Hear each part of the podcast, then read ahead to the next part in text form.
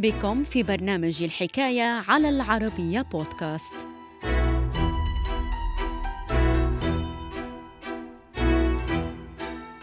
بعد مشاركة الجنرال جان نيكولا هوشار بالعديد من المعارك الحاسمة التي ساهمت في إنقاذ فرنسا من البريطانيين والهولنديين، عدمته المحكمة الثورية يوم السابع عشر من نوفمبر عام 1793 تفاصيل الحكاية في مقال للكاتب طه عبد الناصر رمضان بعنوان بمحاكمة غريبة أعدمت فرنسا جنرالا أنقذ البلاد زمن الثورة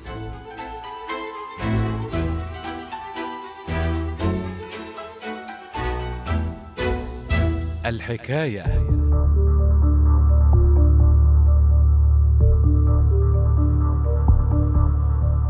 عاش الفرنسيون بداية من عام 1789 على وقع أحداث الثورة الفرنسية التي أسفرت عن قيام الجمهورية وانتهت بانقلاب قاده نابليون بونابرت في نوفمبر 1799 للإطاحة بحكومة المديرين. وخلال سنوات الثورة حصدت المقصلة عشرات آلاف الأرواح ممن اتهموا بمساندة الملكية والخيانة. كما امتدت شفرة المقصلة لتطال أيضا رقاب عدد هام ممن ساهموا في قيام الثورة من أمثال جورج دانتون وكامي ديمولان وماكسيميليان روبسبيير.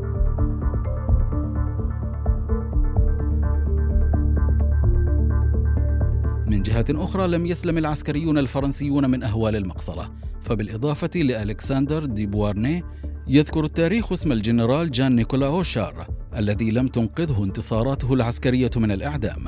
فقد ولد جان نيكولا هوشار يوم الرابع والعشرين من يناير عام 1738 بمنطقة فورباخ الفرنسية.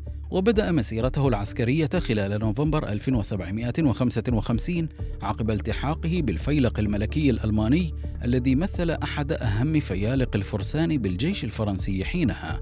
لاحقا التحق بفيلق بوربون دراغون وشارك بالمعارك بجزيرة كورسيكا حيث أصبح كابتن ونال بحلول عام 1781 وسام سانت لويس الملكي وأصبح هوشار عام 1792 جنرالا بالجيش عقب الثورة بفضل إنجازاته بحصار ماينز. كما عين بالعام التالي قائدا على جيش موسيل الذي مثل أحد ركائز جيش فرنسا خلال الثورة. تزامنا مع إعدام الجنرال آدم فيليب دي كوستين خلال أغسطس 1793 حصل هوشار رسميا على شرف قيادة جيش الشمال بأكمله. كما شارك هوشار على مدار أسابيع بالعديد من المعارك الحاسمة التي ساهمت في إنقاذ فرنسا من البريطانيين والهولنديين. وفي معركة هونتشوت بالجنوب الشرقي لدانكيرك قاد معركة أخرى حاسمة يوم الثامن من سبتمبر عام 1793 أجبر من خلالها البريطانيين والهولنديين على التراجع عقب تكبدهم خسائر جسيمة.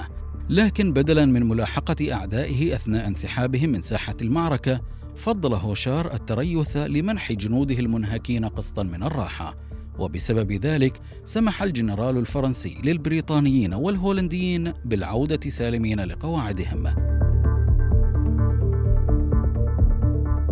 خلال الأيام التالية اتهم هوشار بعدم استغلال انتصاره بمعركة هونشوت فجرد من رتبته العسكرية واعتقل يوم الرابع والعشرين من سبتمبر عام 1793 بمدينة ليل الفرنسية.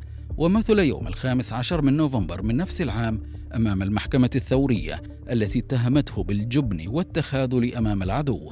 وأثناء المحاكمة وصف هذا الجنرال الفرنسي المدعي العام باللقيط. وأقدم على سلوك غريب حيث نطق قائلا هذه إجابتي على التهم. قبل أن يخلع قميصه مبرزا للحاضرين إصاباته التي تلقاها على ساحة المعركة. إلى ذلك أصدرت المحكمة حكما بالإعدام على الجنرال هوشار.